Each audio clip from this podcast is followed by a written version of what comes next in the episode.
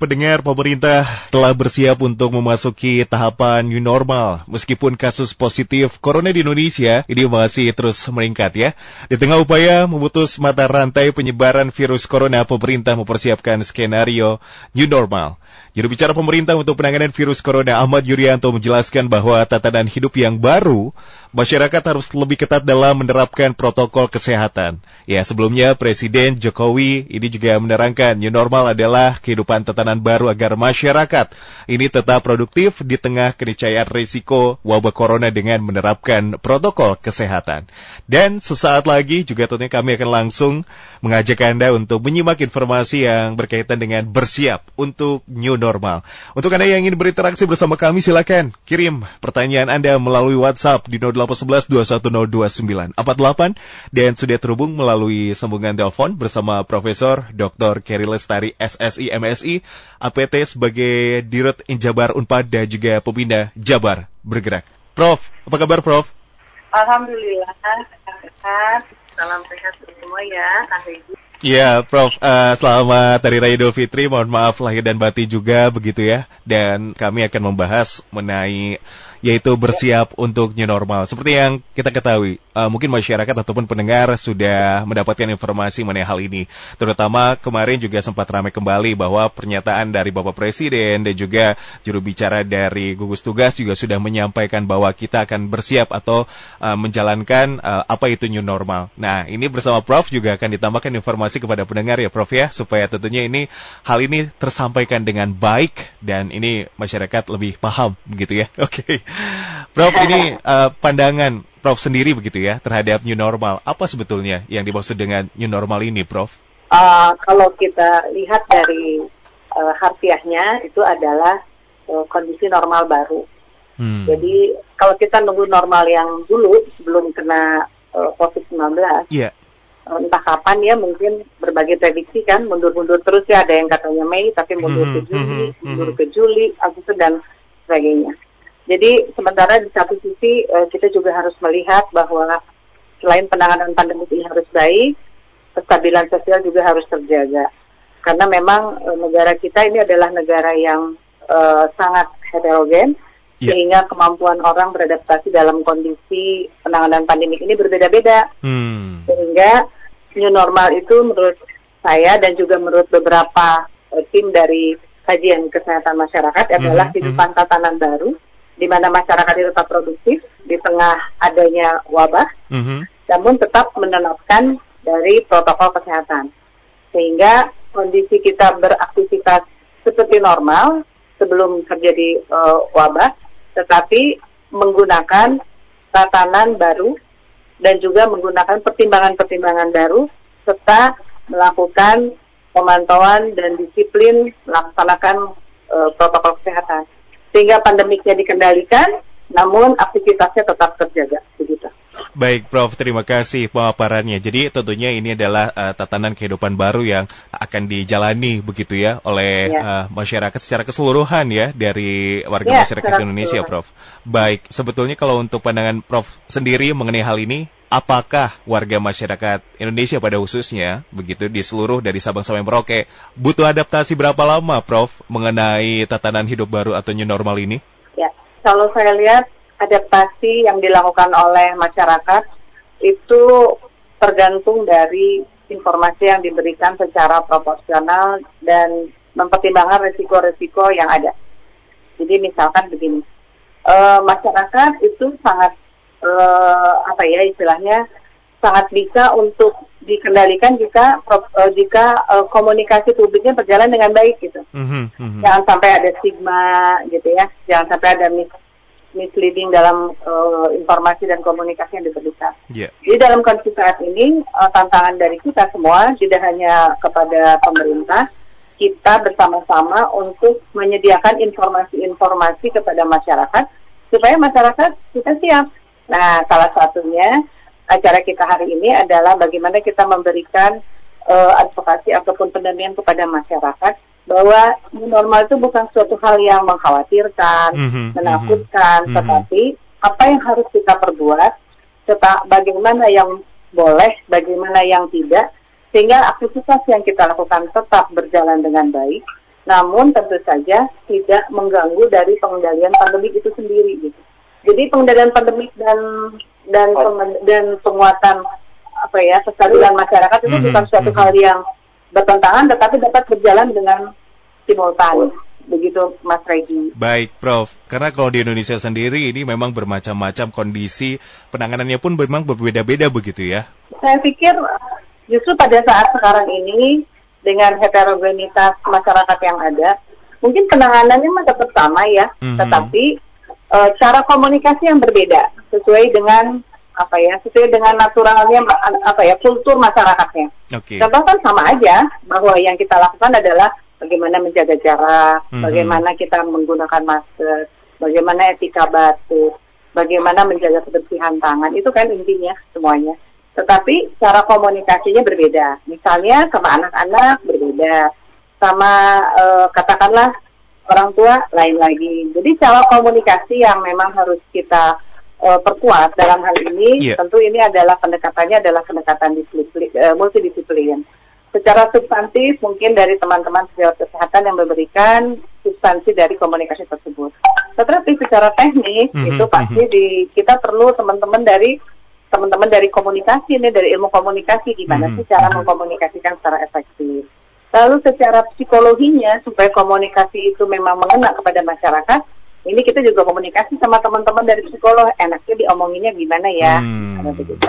Lalu kemudian kalau misalnya si komunikasi ini akan menjadi sebuah kebijakan maka kebijakan ini akan di apa di dikaji oleh teman-teman dari kebijakan itu jadi semuanya bergerak bersama kan? Yeah, yeah. jadi ini adalah suatu uh, kerja bersama, bela mm-hmm, negara mm-hmm, bersama sesuai mm-hmm. dengan kapasitasnya bersama-sama kita perang melawan COVID-19. Baik, gitu ya. tujuannya ya. seperti itu ya. Jadi memang harus ada kerjasama lintas sektor dan Betul. saling berkesinambungan begitu ya. Tidak tidak serta merta ini membebankan kepada pemerintah yang menjalankan ya. negara ini begitu ya. Tapi harus langsung dari masyarakatnya, dari tidak memandang status pendidikan dan lain sebagainya. Memang harus saling membantu ya. Profesor. Ya, walaupun regulator ada di pemerintah loh ya. Betul, betul, uh, betul. Peran pemerintah sebagai regulator dan bagaimana pemerintah bersifat sebagai fasilitator juga. Mm -hmm, baik, itu dia pandangan dari Prof. Gary. Pendengar, ada jadi sedikit sudah ada dibahas uh, bagaimana tentunya new normal ini akan diterapkan.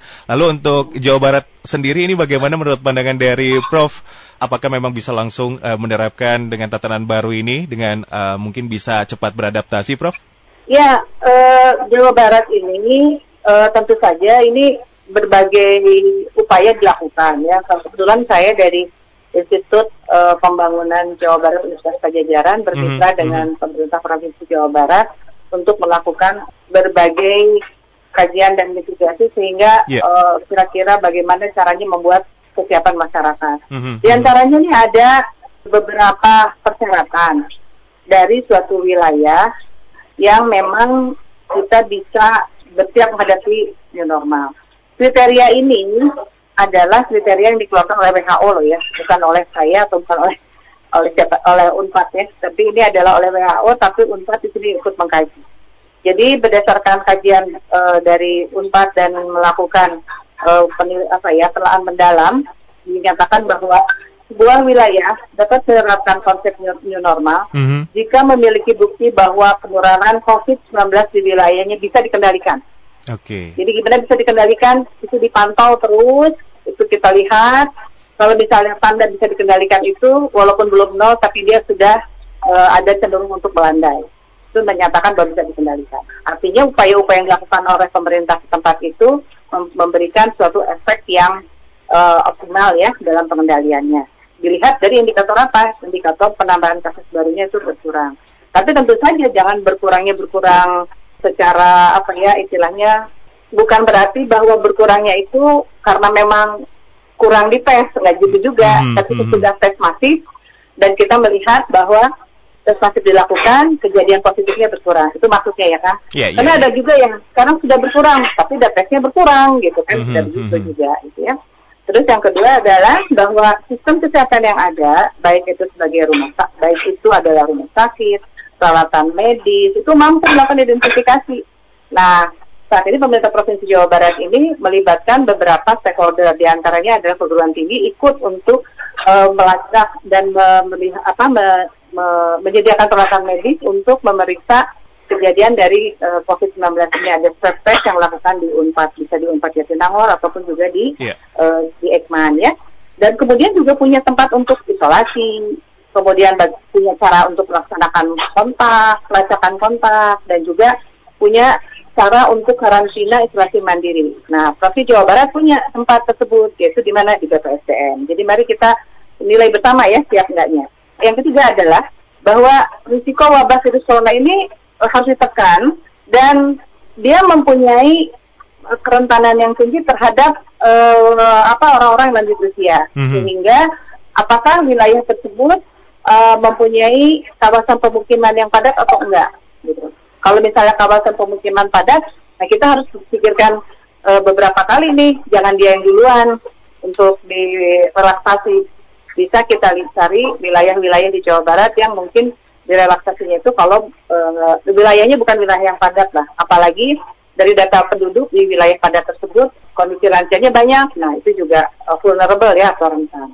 Nah lalu uh, juga menempatkan juga protokol-protokol uh, new normal untuk tempat kerja, mm-hmm. untuk tempat berbelanja dan sebagainya. Siap mm-hmm. nggak protokolnya? Nah ini Injabar sedang menyusun protokol ini. Ini bisa digunakan oleh siapa pun baik pemerintah kabupaten, kota, yeah, provinsi, yeah. pengusaha, siapa pun silakan. Protokolnya sudah kita buat berdasarkan beberapa referensi, baik itu referensi dari WHO maupun referensi dari BPOM dan Kementerian Kesehatan. Dan berikutnya adalah bagaimana wilayah tersebut memperkecil resiko dari kasus pembawa virus tersebut masuk dari wilayah lain, mm-hmm, ya. Mm-hmm. Atau katakanlah bisa dikendalikan. Makanya kan sekarang ada e, jangan mudik. Nah, kurang lebih seperti itu ya. Itu sebetulnya bagaimana kita mengendalikan kasus tersebut. Nah, lalu berikutnya bagaimana kita mengedukasi masyarakat sehingga e, masyarakat ini juga siap dalam menghadapi transisi dari kondisi normal dulu ke new normal. Nah, ini kan dalam rangka kita menyiapkan masyarakat yeah. dan juga menyampaikan masukan kepada pemerintah. Kalau kita mau melakukan relaksasi terhadap PSBB, tadi adalah kriteria-kriteria yang harus dilakukan. Nah, kami lihat sih upaya-upaya ke arah sana dari Jawa Barat mm -hmm. sudah sangat terlihat. Walaupun mungkin tentu evaluasi menyeluruh itu harus kita lakukan, harus kita kaji bersama untuk menentukan kapan sih waktu yang pas untuk relaksasi itu terjadi. Jadi relaksasi itu harus menjadi satu perimbangan antara fasilitas kesehatan, kondisi fasilitas kesehatan yang tersedia ya, kemudian kondisi dari pandemiknya itu sendiri yeah. dan terakhir adalah kesiapan dari masyarakatnya gitu. Baik. Jadi tiga komponen itu yang itu harus penting, ya. dijadikan ya? perimbangan. Mm -hmm, ya. Begitu Kang Regi. Ya. Maaf agak panjang ya. Tidak apa-apa, itu sangat jelas sekali pesan yang telah disampaikan supaya tentunya informasi yang uh, didengar oleh pendengar juga ini bisa diterima begitu ya dengan baik.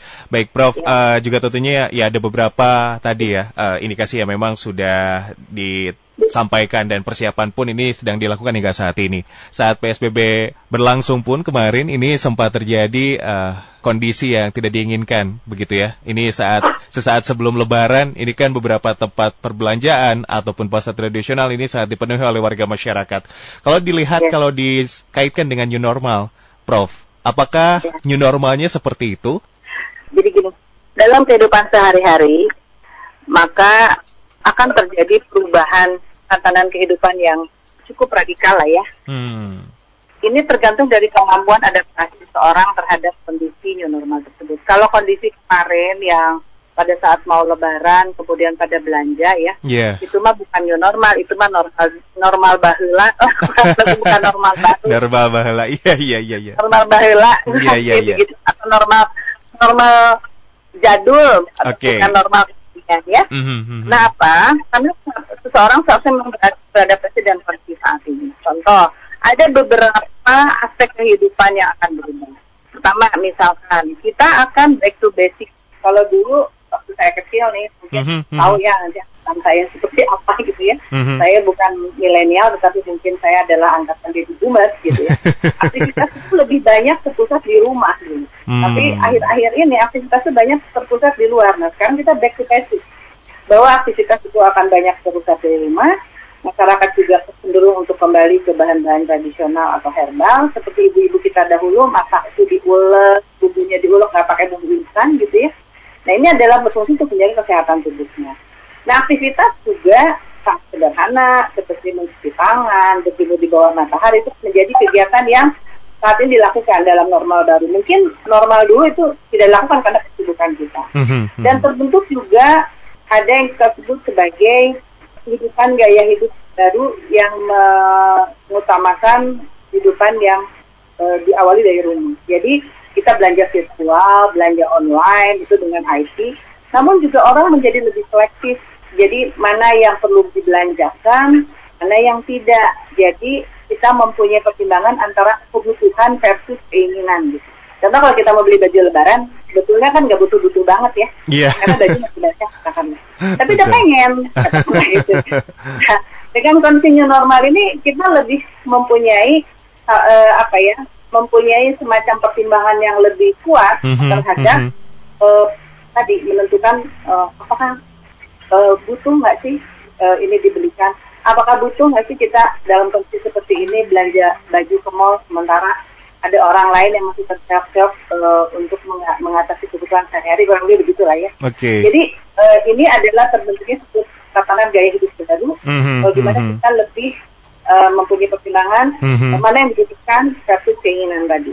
Lalu berikutnya adalah karena tadi saya katakan bahwa antara kebutuhan kebutuhan dan versus keinginan, maka akan timbul sekarang ini rasa empati, timbul kebersamaan dan rasa semakin bertanggungan. Mesti saat ini in, saat ini kita bisa survive kalau kita bisa bersama-sama sesuai dengan kapasitas masing-masing.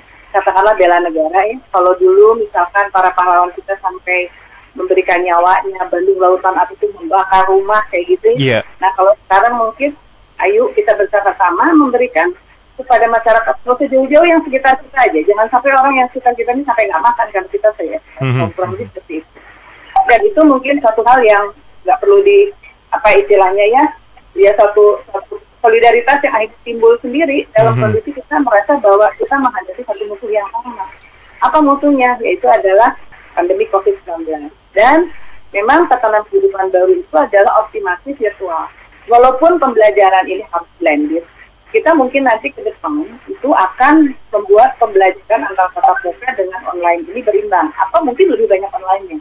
Karena pertemuan itu kan dibatasi. Tapi kalau dulu kan pembelajaran ataupun rapat ataupun juga pertemuan itu adalah suatu hal yang uh, katakanlah uh, sulit kita lari ke virtual. Mm-hmm, nah, tapi susah gitu ya. Mungkin yeah, yeah. online kuliah juga ah, masih bisa ketemu kurang lebih begitu. Tapi dalam kondisi saat ini maka hampir ke seluruh uh, perkuliahan, ujian, segala macam online dan sehingga uh, tentu saja optimasi uh, visual ini menjadi warna kehidupan baru. Termasuk apa Kang Kang Regi? Iya, Kita apa, kan juga kemarin dengan keluarga virtual ya. Betul, betul. Gitu. Jadi ada empat tatanan tadi ya. Yang mm -hmm. pertama adalah back basic dan back basic ini mari kita perkuat juga dengan keluarga gitu ya. Kemudian juga saja hidup yang tadi uh, lebih lebih efisien efektif, mempertimbangkan kebutuhan versus keinginan. Kemudian keempat adalah bagaimana kita mengasah empati kita, gitu ya, karena kita tahu apa yang kita butuhkan, gitu, sehingga tidak terlalu spend lebih banyak kepada yang kita yeah. inginkan walaupun tidak butuh. Kan selama ini kan belanja ke mall, uh, window shopping, eh butuh beli ah, padahal belum tentu butuh gitu kan, yeah. ingin beli. Nah keinginan itu nanti kita arahkan untuk yang tadi untuk bagaimana kita membuat uh, solidaritas mm -hmm. uh, tinggi mm -hmm. masyarakat supaya kita bisa bersama-sama menghadapi masalah ini. Dan terakhir adalah bagaimana kehidupan kita bergeser dari kehidupan offline sekarang mungkin uh, kebanyakan offline walaupun kita udah mulai kangen kan pengen ketemu orang-orang dan sebagainya mungkin nanti kita akan bikin tatanan atau SOP baru kalau kita akan bertemu silaturahmi keluarga itu seperti apa. Jangan tersinggung ya kondisi ini harus dilakukan. Uh, daripada kita nggak bisa ketemu, tetapi kita bisa bertemu tapi dengan SOP sesuai dengan protokol Baik, Prof. Terima kasih. Jadi uh, telah menyampaikan kembali mengingatkan uh, mengenai tatanan yang nanti juga akan kita laksanakan begitu ya ketika new normal ini sudah diberlakukan atau mungkin akan dijalankan ya supaya tidak melakukan ataupun dalam situasi normal bahula ya seperti beberapa waktu lalu ya, Prof. Oke, Prof. Kita ke interaksi dari pendengar ya, Prof ya. Siap. Ini ada beberapa juga yang sudah menyimak pembahasan kita pada kesempatan uh, kali ini. Assalamualaikum ya. warahmatullahi wabarakatuh. Ini ada Bapak Asep Kincling, ini dari Forum Komunikasi Alumni Geologi Unpad. Jadi pertanyaan. Ah, mohon. Sama senior aku. Aduh, sedang mendengarkan kita ini pada kesempatan kali ini. Prof, ini bagaimana perubahan sistem belajar mengajar di sekolah dasar? Jadi tidak hanya SD tapi sekolah menengah dan juga perguruan tinggi dalam rangka mempersiapkan era new normal ini. Apakah sudah ada peraturan pemerintah juga ataupun PP ataupun PMKes sebagai acuan uh, tata laksana terkait masalah tersebut juga? Silakan. Ya, kalau pembelajaran uh, dari institusinya menyatakan ini masih belajar di uh, dari rumah ya. Nah, uh, dulu menggunakan uh, apa namanya menggunakan media pembelajaran daring. Mm-hmm. Tapi kan rupanya tidak semua siswa itu punya kuota. Betul, ya. Prof. Jadi Betul. akhirnya untuk yang SD, SMP, SMA itu mm-hmm. menggunakan media TVRI ya. Nah, namun tentu saja ke depan ini tidak bisa bertahan seperti ini, uh, mungkin sedikit-sedikit akan direlaksasi. Mm-hmm. Jadi ada blended learning, di mana blended learning itu ada sebagian yang menggunakan online dan ada sebagian yang menggunakan offline. Nah, pada saat uh, offline ini, mungkin pada saat masuk sekolah itu kita sih berharap bahwa dilakukan tidak sekaligus uh, seperti biasa, kan itu juga sekolah sumber kerumunan kan seperti kita ketahui bahwa uh, COVID-19 ini transmisinya sangat uh, kuat sehingga kerumunannya harus dihindarkan. Maka mungkin yang biasanya satu kelas itu katakanlah 30 orang, orang duduk e, berdua satu bangku misalnya atau satu meja berduduk dua. Nah mungkin ke depan satu bangku ini juga dilakukan e, apa namanya prinsip-prinsip physical distancing sehingga masuknya akan bergiliran mungkin gitu loh. Jadi ada ada tetap saja prinsip-prinsip pengendalian pandemiknya tetap dilakukan sehingga anak-anak bisa sekolah tetapi tetap aman. Yang pertama mau masuk sekolah suhunya. Mereka menggunakan tetap menggunakan masker. Kalau boleh sih eh, teman-teman orang tua membekali mereka hand sanitizer. Takutnya uh, mungkin karena tempat cuci tangannya tidak memadai, jadi ya. anak-anak itu malas ke tempat cuci tangan. Tapi lebih bagus lagi kalau sekolah-sekolah ini menyiapkan tempat cuci tangan di depan kelas. Hmm. Karena lebih baik memang cuci tangan itu pakai sabun dan uh, air mengalir. Namun kalau misalnya darurat ya keluarkanlah hand sanitizer tadi. Nah kemudian pada saat uh, pertemuan juga baik guru maupun siswa tetap menggunakan uh, physical distancing, jangan dekat-dekat dan juga tadi uh, waktu pertemuan itu uh, dalam satu ruangan dibatasi, termasuk jumlah orang dalam satu ruangan juga dibatasi. Ini SOP-SOP ini sedang kita susun juga, Kang, dari beberapa uh, referensi yang ada, tidak hanya dari referensi yang ada di Indonesia, tapi juga referensi global kita combine. Jadi gimana sih SOP untuk sekolah, gimana yeah. SOP untuk di kantor, gimana SOP di fasilitas umum termasuk pembelajaran, eh, mm -hmm, termasuk mm -hmm. di tempat pembelanjaan dan sebagainya. SOP-nya sedang kita kompilasikan dan kita adopsi dan diadaptasikan dengan kondisi di Indonesia. Baik, demikian Prof ya. Oke, Pak Asep sudah ditanggapi juga. Selanjutnya, ini tidak ada nama dari 081214 sekian sekian sekian. Mau tanya kalau rapid test di kawasan Jatinangor ini dilaksanakan kapan ya dan bagaimana proses daftarnya?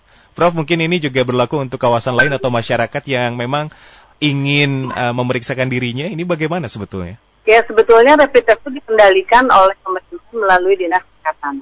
Hmm. Hubungi saja puskesmas terdekat. Informasinya ada di situ.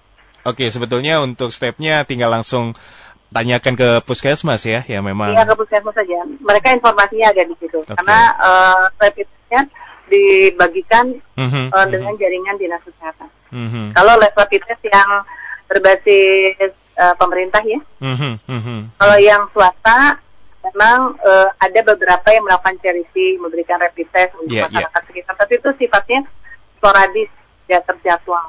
Oke, okay, baik. Itu dia ya sudah ditanggapi juga dan selanjutnya salam sejahtera saya Nurmila di Turangga. Prof, menurut pendapat profesor, ini apakah new normal ini bisa mempengaruhi sistem kekebalan tubuh manusia? Uh, yang mempengaruhi sistem kekebalan tubuh manusia bukan new normalnya, Tetapi yang mempengaruhi kekebalan tubuh manusia adalah kesiapan kita menghadapi normal. Artinya begini, uh, seperti yang saya sampaikan di beberapa media sebelumnya bahwa kenali dulu ini penyakitnya apa, penyebabnya apa, bagaimana karakter penyebabnya, bagaimana menyerangnya sehingga kita tahu oke okay, gimana bagaimana, bagaimana melawannya. Kurang lebih begitu. Nah, setelah diketahui bahwa ini adalah uh, disebabkan oleh virus, virusnya mRNA, maka dia akan sangat mudah bermutasi, maka yang paling penting dilakukan oleh kita adalah bagaimana meningkatkan sistem imun. Nah, tips-tips untuk meningkatkan sistem imun sudah banyak kita pernah bahas ya, Kang Regi. Ya? Betul, ya? betul, Prof, betul. Nah, namun mungkin saya remind sedikit saja mm -hmm, untuk meningkatkan silakan. sistem imun itu pertama jaga nutrisi kita dengan nutrisi yang kembali ke alam lah ya katakanlah uh, makan makanan jangan yang makanan olahan makan makanan fresh mumpung kita work from home sambil kerja masih bisa kita untuk uh, apa uh, kata menyediakan makanan untuk keluarga di rumah kemudian yang kedua pilihlah kayak rempah-rempah dan sebagainya untuk bumbu masakan kita. Jadi selain kita makan seperti biasa, kita juga minum atau makan sesuatu hal yang memang bermanfaat untuk kesehatan kita. Yang kita sebut sebagai pangan fungsional. Kemudian batasi ataupun juga kalau bisa hindari mengkonsumsi gula. Selain gula juga pisahkan ya di pasaran. Mm-hmm. Jadi e, batasi. Tapi kalau misalnya kita masih ingin merasakan minuman manis, tadi tadi cari gula yang memang katakanlah bukan dari gula, tetapi bisa mencari uh, gula dari stevia atau minuman yang mengandung stevia gitu ya karena itu stevia sendiri punya uh, khasiat sebagai uh, proinflamasi yang dapat menguatkan uh, regulasi sistem imunitas kita. Kemudian yang berikutnya adalah tetap beraktivitas uh, walaupun kita di rumah supaya kita tetap sehat, sirkulasi mm -hmm. darahnya mm -hmm. juga baik dan juga jangan stres berlebihan karena stres juga akan menurunkan sistem imun kita. Jadi begitu kita tahu bahwa karakteristik dari penyakit ini adalah self-limited disease, yeah. maka betulnya tubuh kita ini juga bisa me melawan penyakit ini jika sistem imun kita kuat. Jadi karena ini adalah self-limited disease, sebetulnya penyakit ini uh, bisa pulih tanpa perawatan khusus, asalkan sistem imun kita kuat. Nah, bagaimana cara menguatkan sistem imun kita? Itu adalah PR kita masing-masing. Tipsnya tadi sudah saya.